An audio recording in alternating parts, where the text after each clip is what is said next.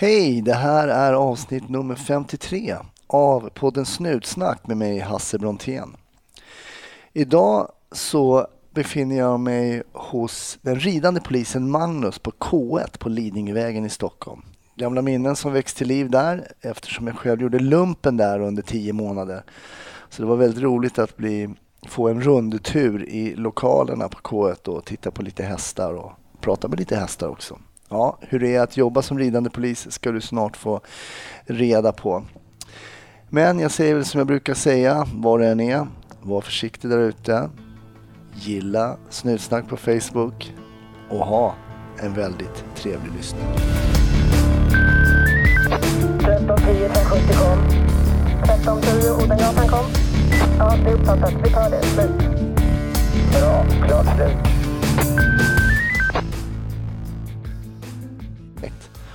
Varmt välkommen till Snutsnack Magnus.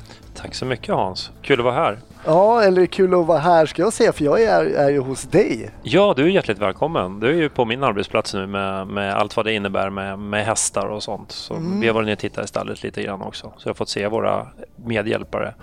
Mycket intressant och för mig så är ju det här liksom är det lite eh, mångbottnat. För jag gjorde ju lumpen här för ett, ganska många år sedan. Och då såg det helt annorlunda ut. Eh, mycket hästar då också men på andra ställen och inte lika fint som ni har idag. Nej, det har ju verkligen hänt någonting. Utvecklingen har ju gått framåt också. Och vi, förut låg vi lite i bakkant när det gäller eh, djurskyddslagen kan man väl säga. Då stod de i spilter över tid och så var vi utred med dem då. då. Och eh, sen fick de gå in och ställa sig i spilterna. Men idag är det stor skillnad. Dels har de eh, en och en halv timme utomhusvistelse varje dag och sen så står de ju i sina boxar och de är ungefär eh, 12 kvadrat så de har det väldigt mycket bättre idag än vad de hade det för 20 år sedan kan jag säga. Mm, därför att då kunde de inte vända sig om och så utan då stod de verkligen bara på ett sätt hela tiden. Ja, de hade ju en halsring och sen löpte den ner i, i eh, ett, eh, ett rep så att säga. Så de stod ju fjättrade som, som kor då. Men idag så är det stor skillnad och man märker det också på våra hästar. De mår betydligt bättre idag. Det är så kul. Vi kommer givetvis komma in på varför du är just eh, här hos rytter, polisrytteriet. Men det är så kul för vi har gått runt nu i stallet och vi har hälsat lite på, på era arbetskamrater här. Och hur du beskriver de här eh, hästarna då med precis som man beskriver egentligen en, god vän eller en kompis med deras eh, Ja, eh, på det, hur, hur de är unika på sina speciella sätt. Att den här är lite hetsig och den här är lugn och så vidare. Och så vidare. Och det är alltså så med hästar att de, de har de här olika egenskaperna. Absolut, de är som vi människor. Vissa är väldigt, väldigt lugna och trevliga och vissa har lite mer nerv i sig. Eh, och framförallt då så är det har man en egen tjänstehäst då, och den lär man ju känna väldigt bra under de här förhållandena som vi jobbar under så är det man sätts ju på prov tillsammans med sin individ eller sin medarbetare som är just vid det här vid den här arbetsplatsen en häst. Och eh, det är klart att eh, man lär känna varandra eh, utan och innan och eh, en del hästar behöv, behöver lite mer tid eh, för att komma in i våran tjänst också. Så när visst är de eh, olika. En del är lite dryga och en del är lite samarbetsvilliga och en del vill bestämma själva. Så Men hur kommer det sig då att eh, hur kommer en polishäst hit till polisrytteriet? Hur blir en häst vald att så att säga få tjänstgöra som polishäst? Hur går det till? Vi tittar ju i, på annonser. Eh, ridsport, tidningen Ridsport till exempel tittar vi på en annonser då. Och eh, när vi har tittat eh, på stammen till exempel, eh, vilka hingstar det är som är papper, eh, så åker vi och provrider dem och då gör vi vissa urval. Vi lägger ut en pressändning till exempel. Eh, vi tittar på hur hästen reagerar och eh, vad den gör för någonting. Hur då Eh, lägger du ut en pressändning så att den, att som den ska gå på, till Aha, exempel. okej. Och eh, pressändningen kan man ha släpande efter sig. Ryttaren sitter alltså på då så, så kan man ha en pressändning i ena handen och, och så rider man framåt och ser hur hästen beter sig. Man kan eh, lägga en flagga över huvudet. Man kan titta på ljud, hur den beter sig. Och eh, om vi tycker att den är intressant så, så eh, försöker vi köpa den då. då. Mm. Och eh, om vi får hästen då så kommer den oftast när den är runt fem år. Vi brukar leta efter femåringar. Okej, så där, där börjar man då som polishäst när man är runt fem år ungefär? Ja, ungefär fem år brukar vi köpa in dem. Vi har, vi har sett över tid att när man köper dem just när, när de är fem år, då, har de, då är prognosen bättre att de, de kommer in rätt i, i eh, sin tjänstgöring som polishäst.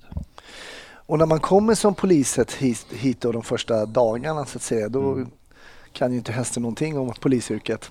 Inte mycket. Nej. Hur börjar man att liksom lära upp en häst?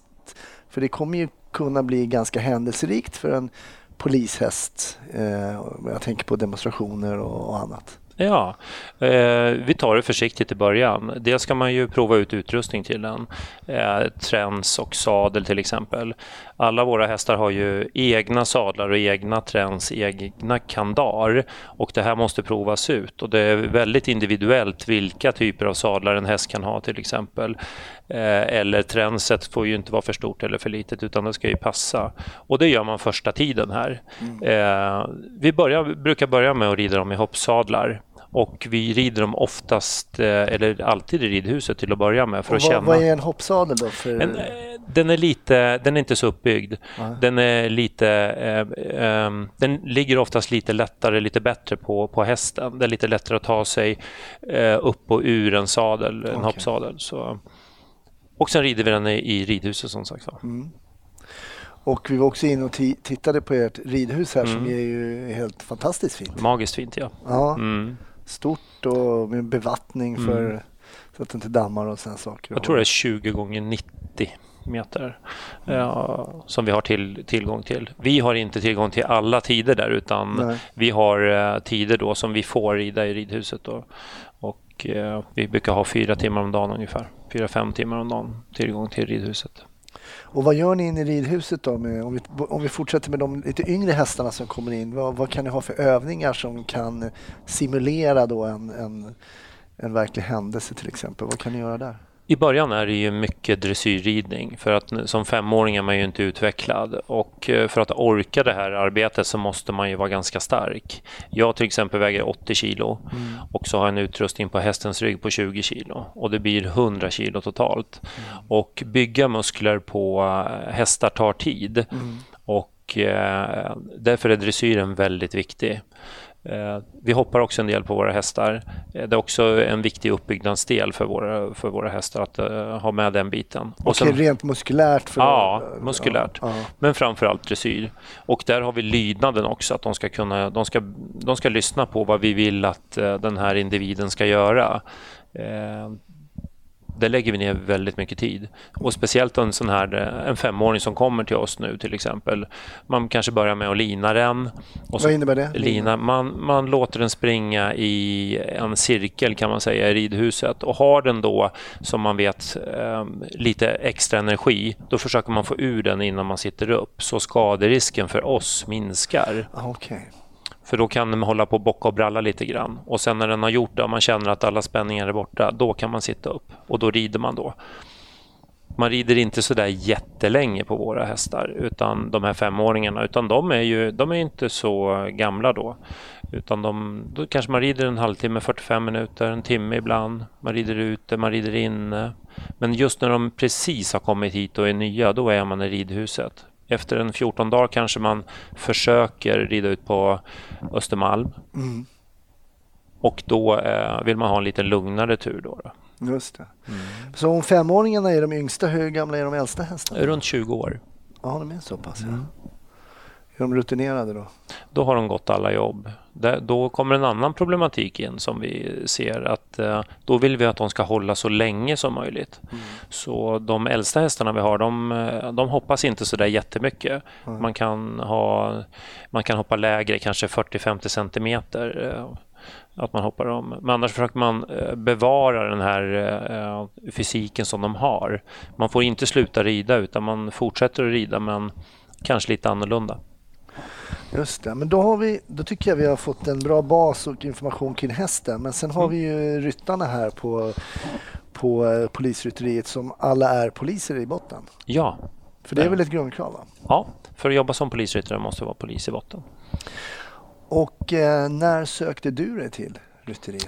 Jag sökte mig hit 93. Mm. 1993. Och hur länge hade du varit polis då? Jag hade varit polis i sex år. Mm.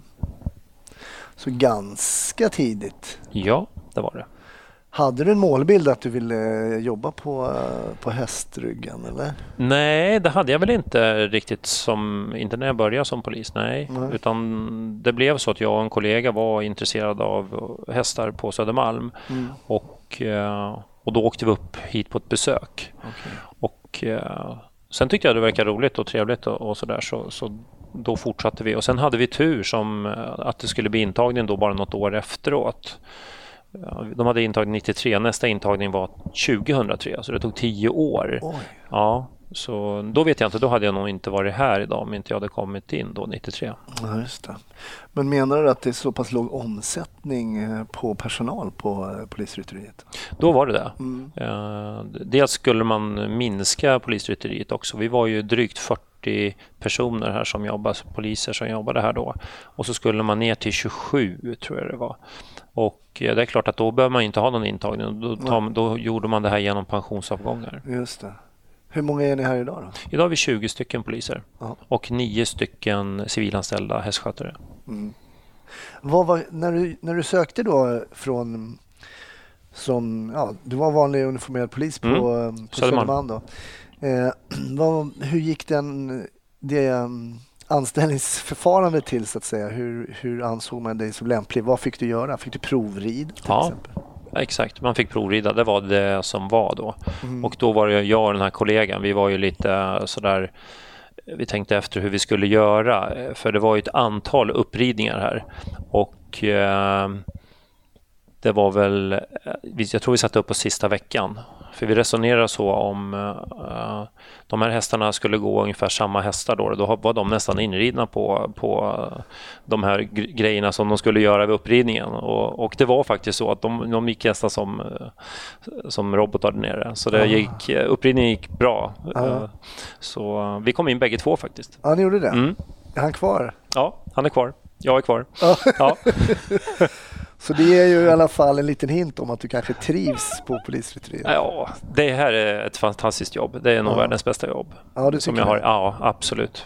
Men min bild då som före detta polis och har jag träffat på lite eh, människor som jobbar på rytteriet är att antingen så är det ju väldigt lugnt, ni är i en lugn miljö, ni kanske övar, det finns ingen risksituation på något sätt utan ni eh, övar inför de här. Eller så är det kaos.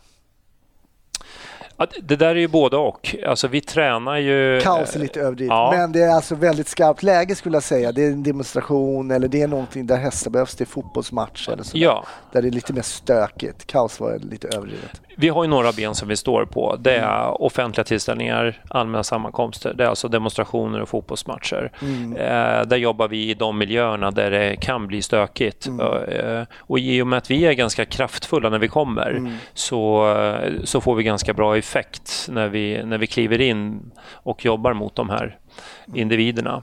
Eh, och eh, man kan väl säga så att det, det är inte så lätt för oss att träna under just sådana former. Vi försöker göra det, men det är inte så lätt att träna Nej. för skaderisken är så stor för, för de som vi tränar emot i sådana fall. Mm. Utan eh, eh, vi, vi försöker då eh, vara så väl förberedda inför de här eh, arbetsuppgifterna som vi kan vara genom att träna här.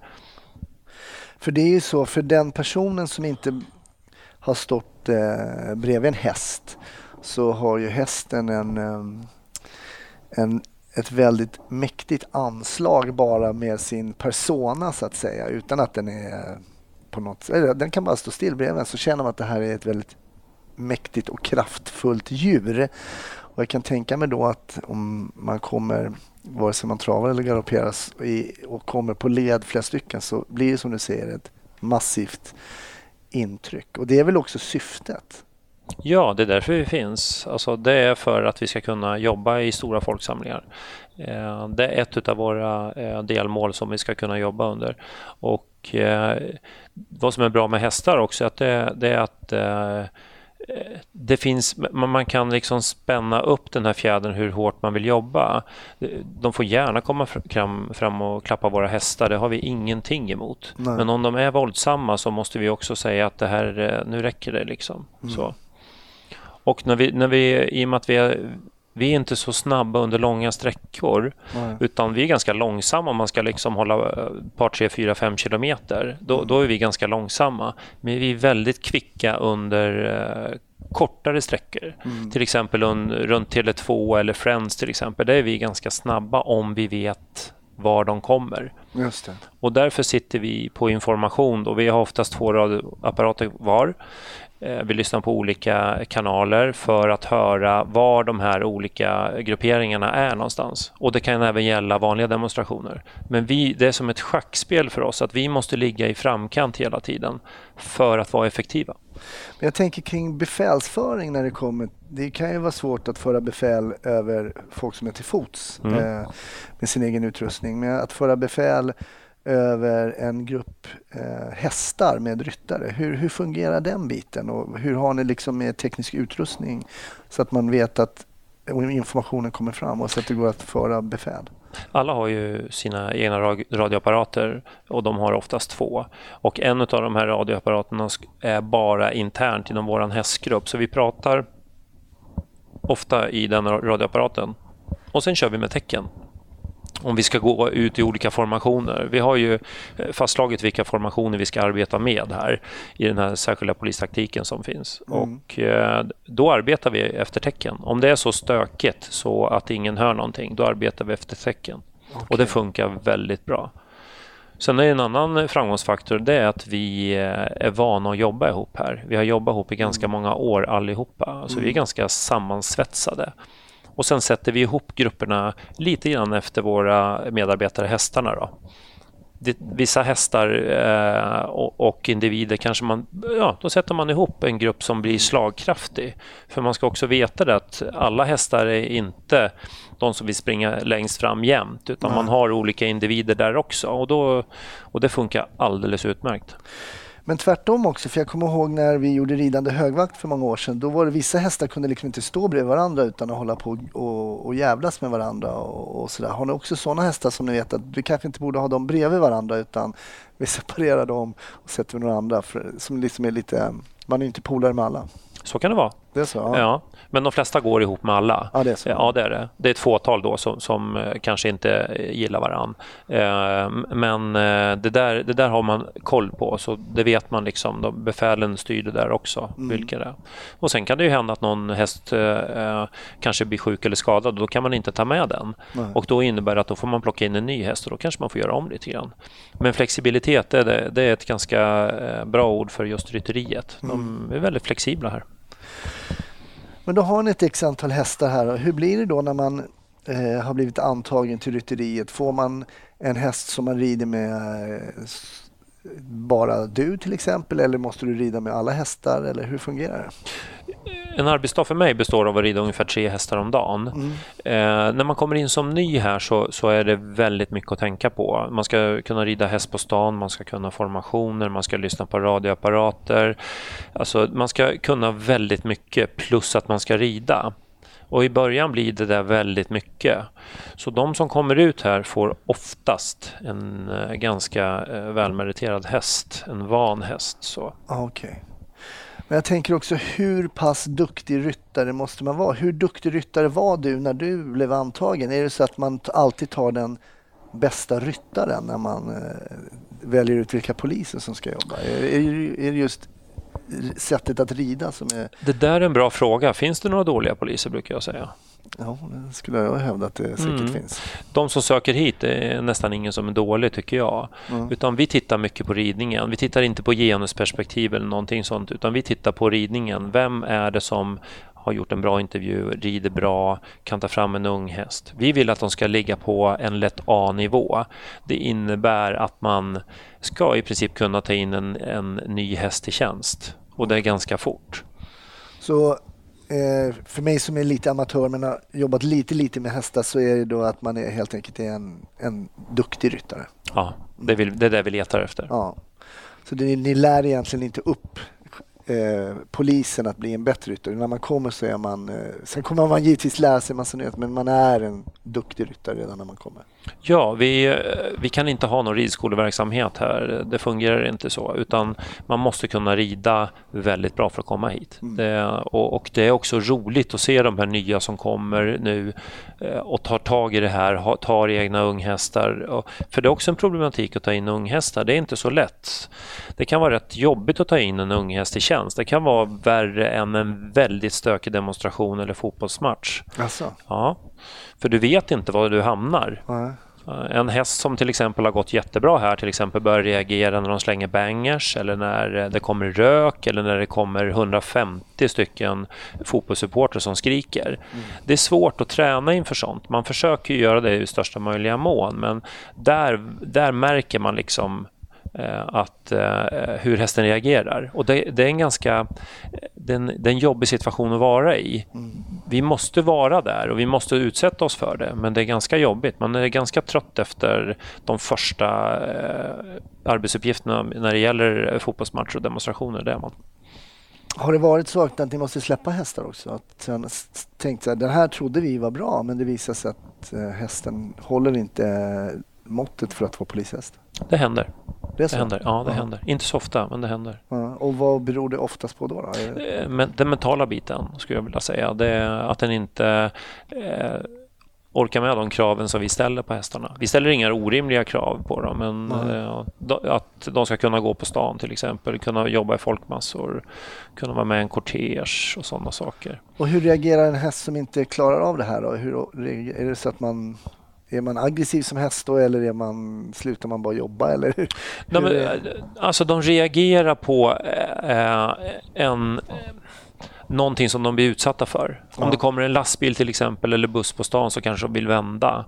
Eh, de, tänker, de kanske inte vill gå fram när det är mycket folk. Mm. Eh, de kanske har problem och, och, eh, med musik till exempel. Mm på högvakten och, och de kanske reser sig eller backar eller någonting. Så det, skaderisken blir för stor för den individuella polismannen som sitter på hästen och då måste man ta ett beslut efter. Vi försöker ju ganska länge med dem men ibland måste man uh, säga att det här fungerar inte för oss. Och det är inget fel på själva hästen men den passar inte vår verksamhet. Bara. Nej just det, det var som när jag inte fick bli livvakt. Det var inget fel på mig men just livvakt var jag inte lämplig för. Så kan det vara. Eller hur? Alla är inte eh, kallade att bli polishästar. Det är faktiskt så. Precis, så är det. Men varför från första början ville du börja jobba som polis då?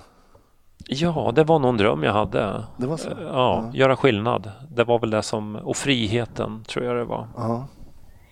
Känner du att du har den idag på, eh, på den tjänsten du har? Att du... Absolut.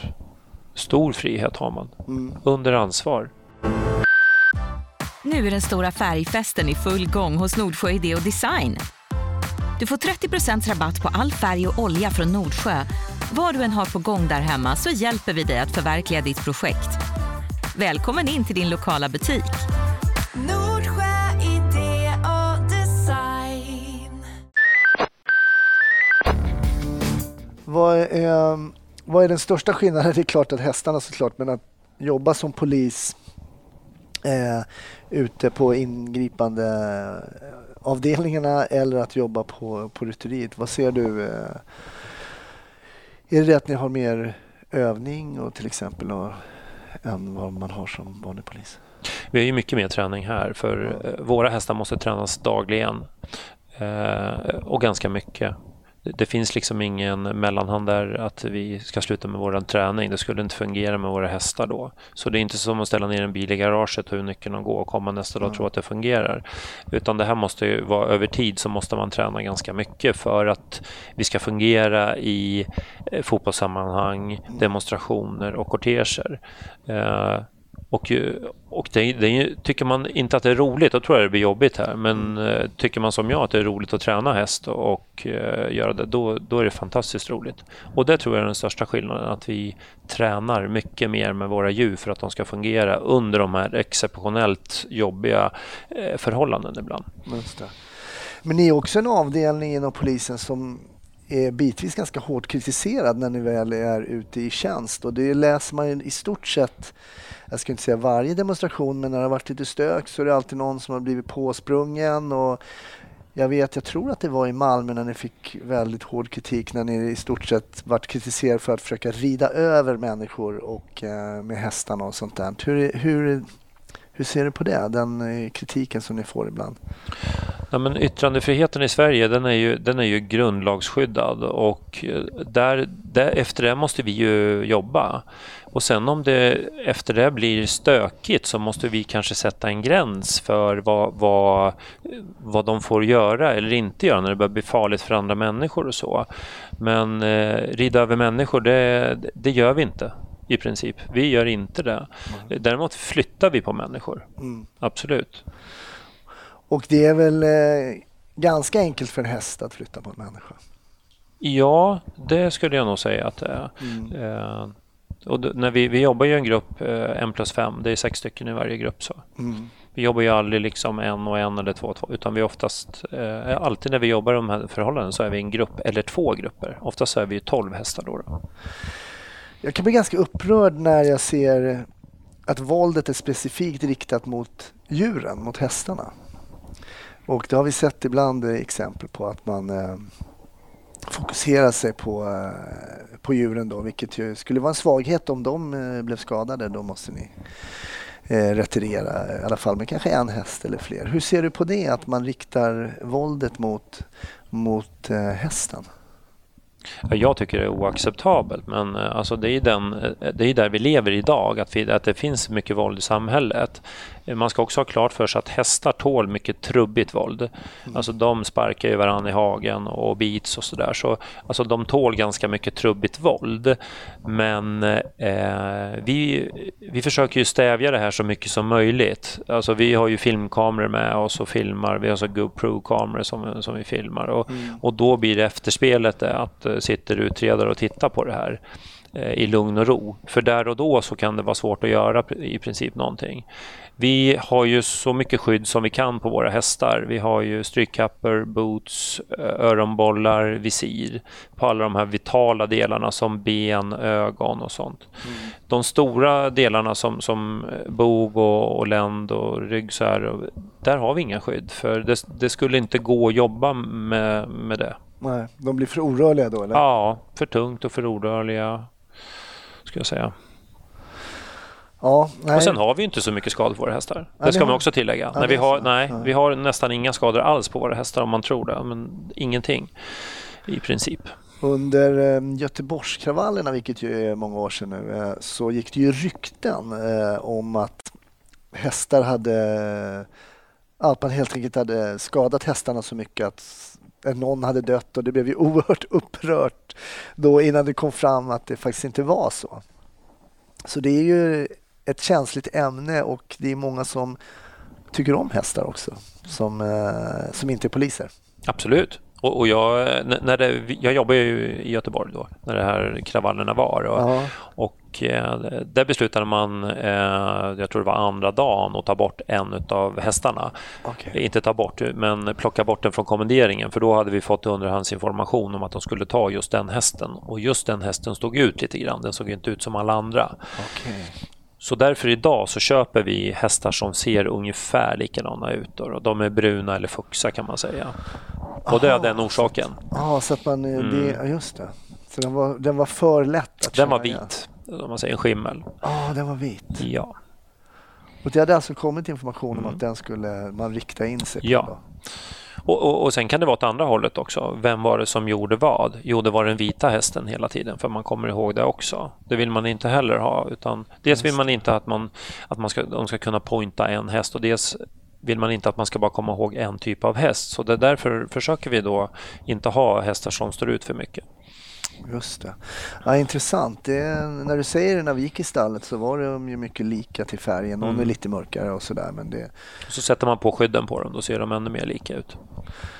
Hur, var, hur uppfattade du Göteborg? Det var ju väldigt stökigt för er eh, där nere och ni blev också ganska uppmärksammade. Ja, det, det, är ju en av de grejerna. Så det är ju milstolpe i min karriär som, som polisryttare. Det finns före Göteborg och det finns efter Göteborg kan man okay. säga. Ja. Eh, det, man kan säga väldigt mycket om Göteborg men det, det fungerade inte så där jättebra där. Eh, gjorde det inte. Varför gjorde det inte det då? Det är svårt att veta för vi fick ju mycket information om eh, att det skulle vara lugnt och fint från ena hållet och sen sa Säkerhetspolisen att det här kommer bli jättestökigt. Okay. Och Göteborg sa själva att det skulle bli ganska lugnt så. Mm. Och eh, vi skulle behöva, vi kanske till och med inte behöva jobba så mycket utan det skulle bli väldigt fredligt och sådär. De ville ha blåskjortor och vita mössor där nere. Okay. Så uh, när vi sitter och äter frukost sen på torsdagen då vid halv nio tror jag, åtta, halv nio, då kommer de och, och, och, och så får vi rida ner på en gång för det är kaos på stan. Okay. Och då hade de två dagar innan sagt att det skulle bli ganska lugnt. Och det börjar våran kommenderingen på torsdag morgon klockan nio ungefär. Då börjar det här, Göteborgskravallerna. Och det är väl lite den switchen jag var ute efter eh, i början när jag kanske lite exalterat sa ordet kaos. Men att gå från då lugn, vilket ju många poliser kan göra. Man mm. kommer in i en arbetssituation. Men för er är det ju också lite exceptionellt eftersom ni sitter på hästryggar. Då gick ni alltså från eh, fika och tro att ni ska sätta på er vita mössorna till rätt in i, i den här um, kaoset. kaoset då. Det var faktiskt kaos. Det var det? Mm, det var det. Hur upplevde du det här kaoset? Alltså, det är svårt att förhålla till, sig till någonting som man inte vet någonting om innan. När eh, vissa säger att det ska bli väldigt stökigt och vissa säger att det inte ska bli. Någonstans så hade jag någon mental förberedelse för att det skulle bli stökigt. Någonstans där. Vi hade dels varit där en och en halv vecka innan tror jag för att samöva med de andra rytterierna. Eh, och sen just den här morgon, alla de här dagarna går nästan ihop lite grann för det, vi jobbar så otroligt mycket. Mm. Men eh, jag kommer ihåg, vi, vi, vi sprang till stallet eh, och så red vi ner på stan och sen var det, började i Vasaparken det här bråket då, mm. det här mm. stora första. Just det. Och var det redan oreda där för er att ni, för du sa att det fanns för och efter. Jag kan tänka mig att man efter det här tänkte nu måste vi ha en ny strategi kanske? Ja, alltså där var det så att vi, vi jobbar ju eh, också grupper om sex där. Mm. Men där kom man liksom ifrån varann och det, eh, vad vi lärde oss då eh, som vi har tagit med oss till vi har idag det är att man har en stridspartner som man håller reda på. Om man kommer ifrån varann så ska man i varje fall ha koll på den som man satt bredvid.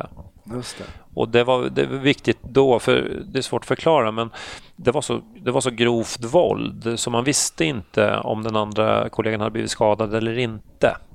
Och, Hur långt ifrån varandra kom ni då? Alltså... Nej, det kan det vara 20-30 meter kanske. Ja. Men, och så var det mycket folk där ibland och det kastade stenar och det var, de kastade all, väldigt mycket saker på oss. Så, um, Hur hotad kände du dig där på en skala 1 till 10?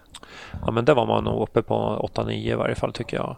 Alltså, där visste man inte om man skulle komma hem hel och ren på, på efter passet. Så. Men hur sugen är man då att bara rida tillbaka till stallet och, och Nej, och... nej, men så, nej, men man är nog lite så här adrenalin-junkies. Liksom, så. Nu ska vi stå upp och nu ska vi hjälpas åt, nu ska vi köra det här. Uh, hästmänniskor är lite så tror jag. Ja. Uh, det, var, nej, det var nog inte tal om att uh, göra någonting annat än att, att hjälpas åt där nere för att få det här på fötter igen. Men hur trötta blir hästarna av en sån kommendering? För det vart ju ganska intensivt den här helgen då. Ja, vi var ute med hästarna ungefär 16, mellan 14 och 16 timmar per dygn. Mm. Eh, och eh, de var trötta, vi var trötta. Men det var en typ av krigstillstånd tycker jag där nere. Eh, de kämpade på, hästarna var ju fantastiska där nere. Alltså, de gjorde sånt jobb. Orkade med oss ryttare. Ja, jo, det måste ju vara väldigt ovant för hästarna att få jobba så mycket under så kort tid. Mm. Det gör man inte i vanliga fall. Nej, Nej det gör man inte. Men vi, vi, alltså när, vi, när det är sådana här eh, stora demonstrationer, vi försöker sitta av så mycket som möjligt. Vi ja. försöker vila. Mm. Och då, där tror jag vi var 36 hästar ja. som jobbade. Och då var det från Stockholm, Göteborg och Malmö. Men ni måste ha fått andra reaktioner från eh, från allmänheten i Göteborg när ni pausade lite? Och... I, bör, I början var ju många emot oss. Ja. Eh, Det var väldigt mycket folk som var emot oss. Och Sen började ju Sveriges Television och sända live där nerifrån för att det var så, och TV4 också kanske, eh, för att det var så, så eh, stora demonstrationer Mm. mot EU-toppmötet som var där. Just det. Mm. Och menar du då att de livesändningarna gjorde att, att människor bytte lite åsikt då eller? I min, min åsikt är att de gjorde det. Ja. De, de eh, bytte sida lite grann. Ja. I början var de väldigt fientliga mot oss och sen växlade det där över. Så, så, eh, ett minne som jag har som, som eh, när det här är slut på, jag tror det var på lördagskvällen, då rider vi upp från Järntorget så rider vi upp, eh, jag får nästan lite ståpäls nu, eh, på Avenyn och då ställer sig hela restaurangen upp och bara applåderar till oss när vi rider hem där. Det, var, det är en ganska mäktig känsla som är svår att förmedla om man inte har varit där och kämpat de här dagarna där nere eh, med min dåvarande tjänstehäst och jag och alla runt omkring. Vi hade liksom försökt att göra så väldigt gott för kunder och så, och så får man den här eh, applåden när vi rider förbi den här restaurangen. Det, det är svårt att slå. Ja, men det är ju riktigt häftigt och jag tänker på det du berättade där eh, varför du ville börja jobba som polis och du säger att du ville göra skillnad och sånt. Och, eh, då kanske man känner att man har gjort lite skillnad om folk eh, applåderar när man rider förbi.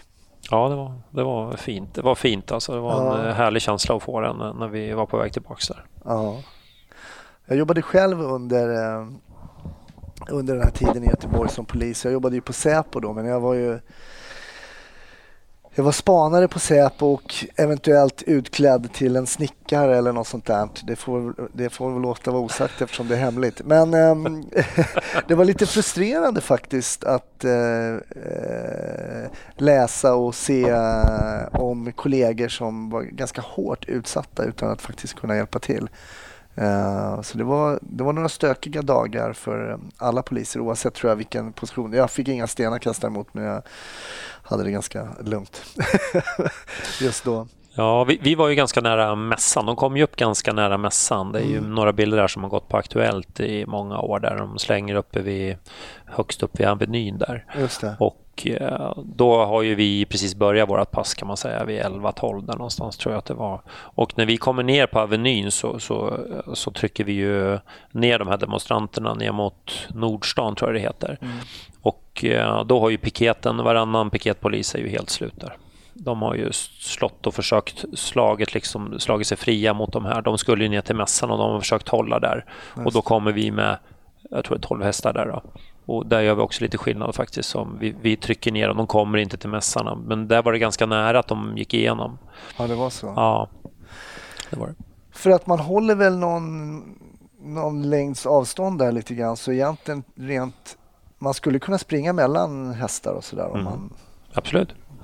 Eh, det funkar. Mm. Men, Men då, då har vi, oftast har vi eh, poliser bakom oss som, som vi tar mark och så gör man som ett skifte och så ställer man fram fotpoliserna och börjar de komma då går vi fram igen och så gör man skifte vartefter. Men just i det här läget, där, där, det stannar ju vi efter, efter en stund då, 50-100 meter ner på, på Avenyn där för att eh, ehm, och sen bränner de ju och slår sönder och sådär. Men eh, vad de var rädda för där, det var att de skulle gå in i själva Nordstan tror jag heter det här Mm, stora köpcentret Ja, där. Och det gjorde de inte som tur var. Så det var nog ganska bra att vi stannade upp där. Men där kan man ju se att det, där har vi mycket gatsten i luften. Där får, där får vi mycket gatsten på oss. Man plockade, man fick ju också se hur folk plockade och ehm, lagrade liksom sten och sådär för att, för, att, eh, för att kasta. Ibland kan man tycka att det här är ju, i, det här fallet var det ju grupperingar som är väldigt vegan och väldigt eh, djurrätt och sådär men det verkade som att man gjorde någon form av undantag här då i Göteborg. Ja, det verkar ju så. Mm. Vi fick inte, alltså där var det ju, på tal om skadad häst, vi tog ju bort eh, den här vita hästen och så, men jag tror inte vi hade några riktiga skador på hästarna där heller. Nej. Vi, har ju, vi sätter ju på plattor under eh, hovarna på dem Okej. eh, för att de inte ska kunna gå på så här fotanglar och glas och sånt där och så, då Okej. slipper man bry sig om det. Utan där hade vi också sådana sulor på. Okej. Så det var inte så mycket Nej, det var nästan inga skadade tror jag i Göteborg heller, fast det var så kraftigt våld. Ja, det låter nästan otroligt Mm. om man så. Det ven Mm. saker i luften eh, konstant. Där. Absolut. Ja, det gjorde det verkligen. Ja, Mm. ja, spännande. Jag, jag brukar alltid fråga min gäst om, om en liten speciell historia som sticker ut och som man kanske har lite top of mind när någon frågar på när man sitter på ett bröllop eller någonting. Eller någonting som har berört den i polisyrket. Har, har, du funderat kring någon sån? Ja, det är ju det här Göteborgs eh, historierna då som, Mm. som jag tycker är just det här när de står vid restaurangen där och, och, Ja. och applåderar när vi ska hem. Den är ju den är svårslagen för att vi hade jobbat så länge och så hårt Mm. och det är ju eh, det är fantastiskt att få, få den reaktionen av allmänheten Mm. där och då. Men, men eh, ja, nej, jag har nog inte, alltså rent, rent arbetsmässigt så är nog det, det är nog det jag känner att Ja. eh, som berör och har berört mig mest eh, sen jag började som polis.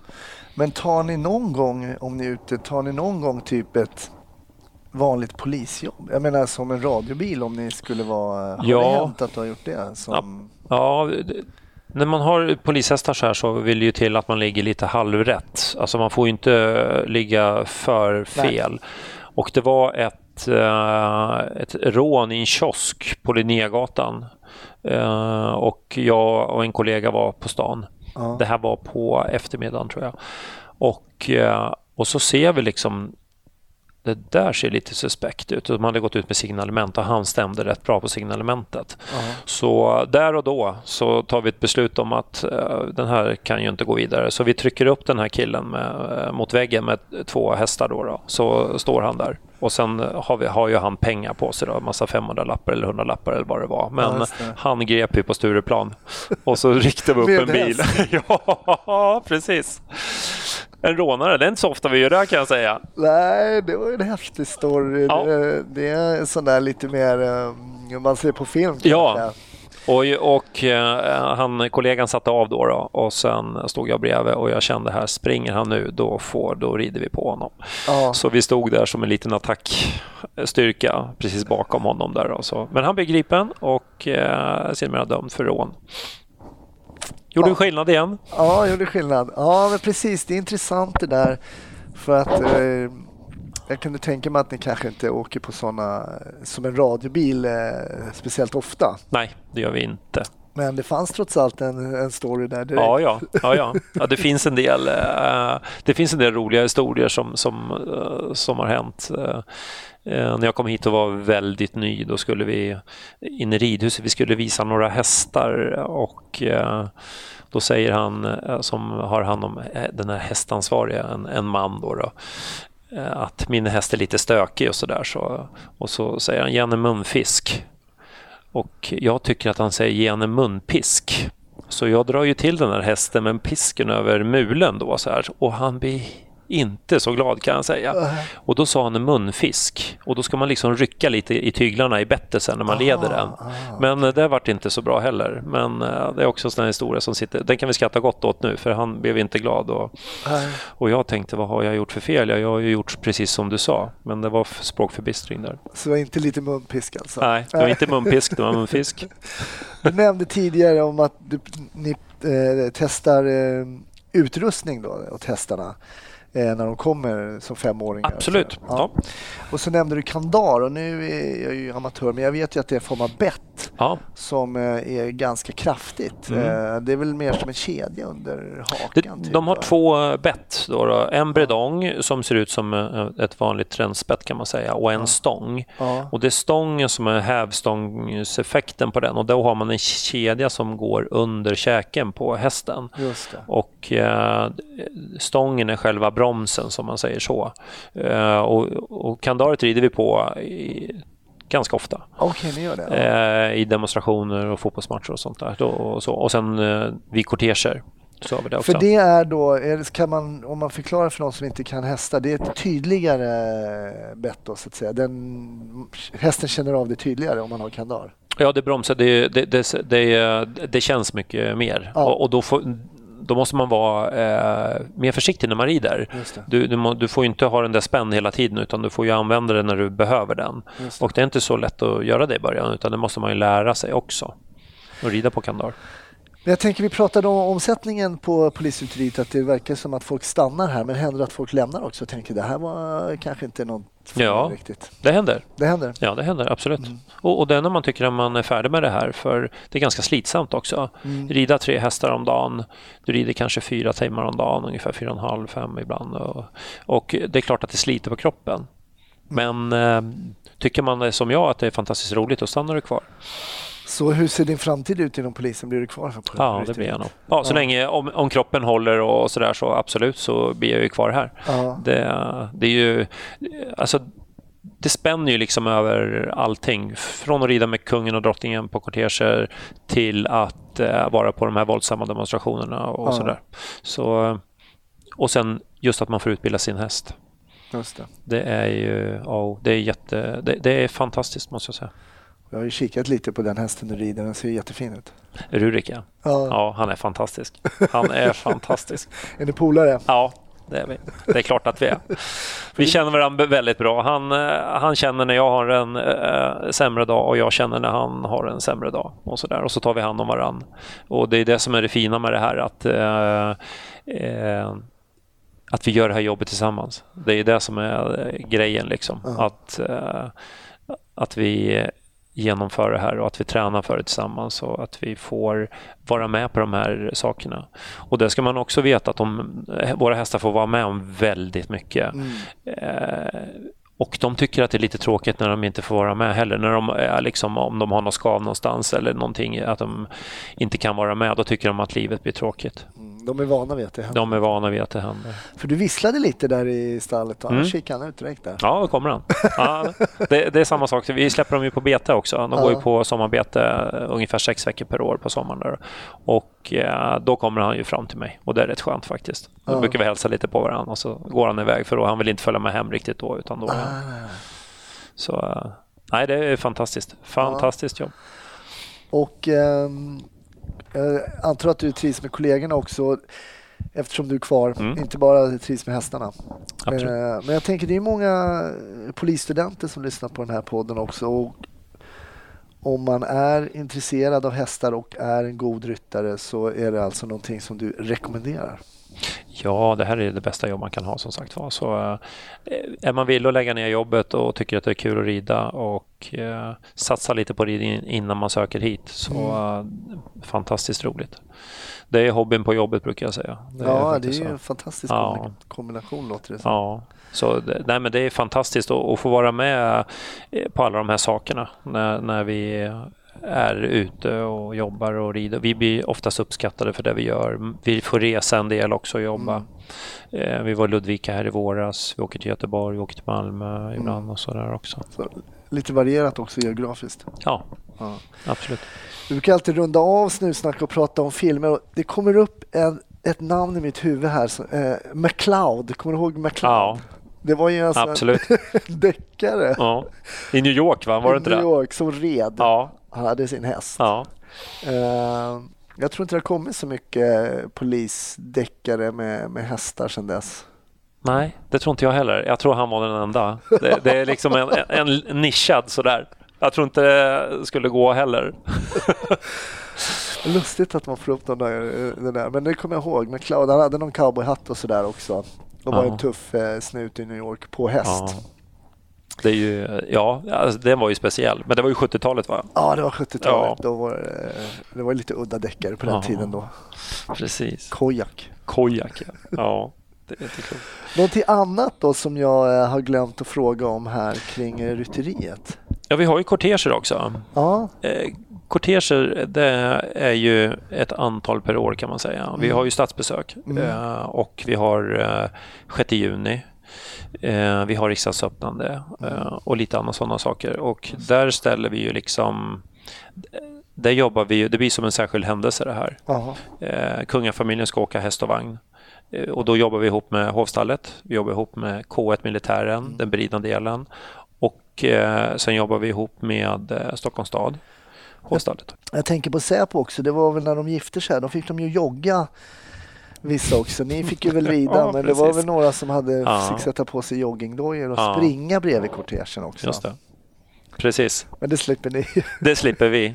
Ja, eh, nej, vi rider ju bredvid Ja. kortegen. Och där kan man väl säga att vi eh, man kan säga att hotbilden är ju väldigt låg. Ja. Men om det skulle hända någonting. Var det inte någon som slängde någon tårta på någon uppe vid, eh, på Södermalm någonstans mot någon? Jo, det kanske det var. Det kommer Ja. inte jag ihåg. Jag kommer bara ihåg att Carl Bildt fick en tårta på sig. Ja. Åkesson har väl fått en tårta också. Åke, så- ja, det kanske Ja. var någonting sådär. Ja. Det får inte hända under sådana här eh, Nej. förhållanden. Så vi jobbar väldigt mycket med det. Vi tränar väldigt mycket med hovstallet eh, och militären när det gäller det här. Och Ja. sen Säker också med.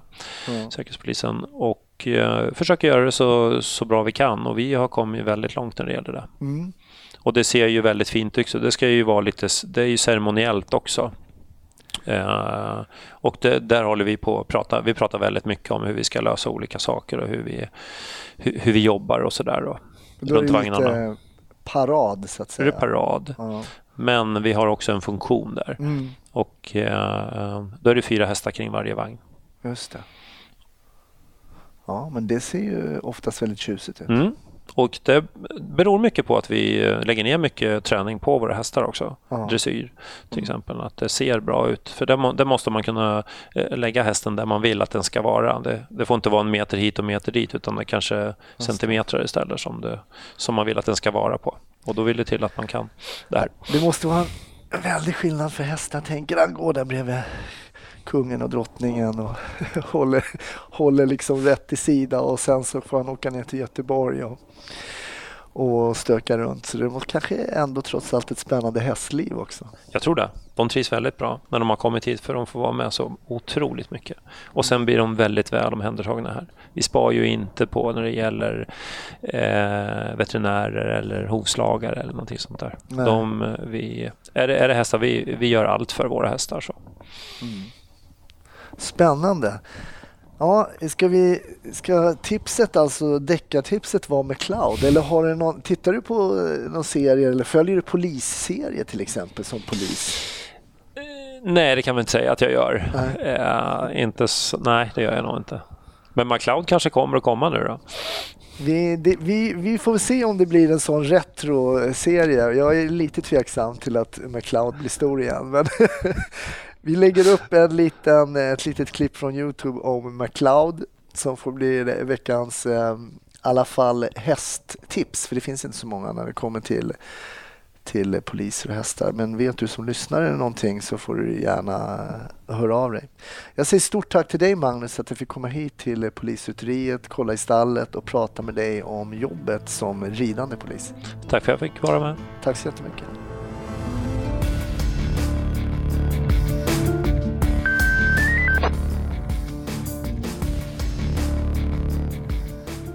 Där tog ytterligare ett avsnitt av podden Snutsnack slut. Men det är ingen fara, det kommer ett nytt avsnitt även i nästa vecka. Så ha tålamod så hörs vi då. Tack för att du lyssnade.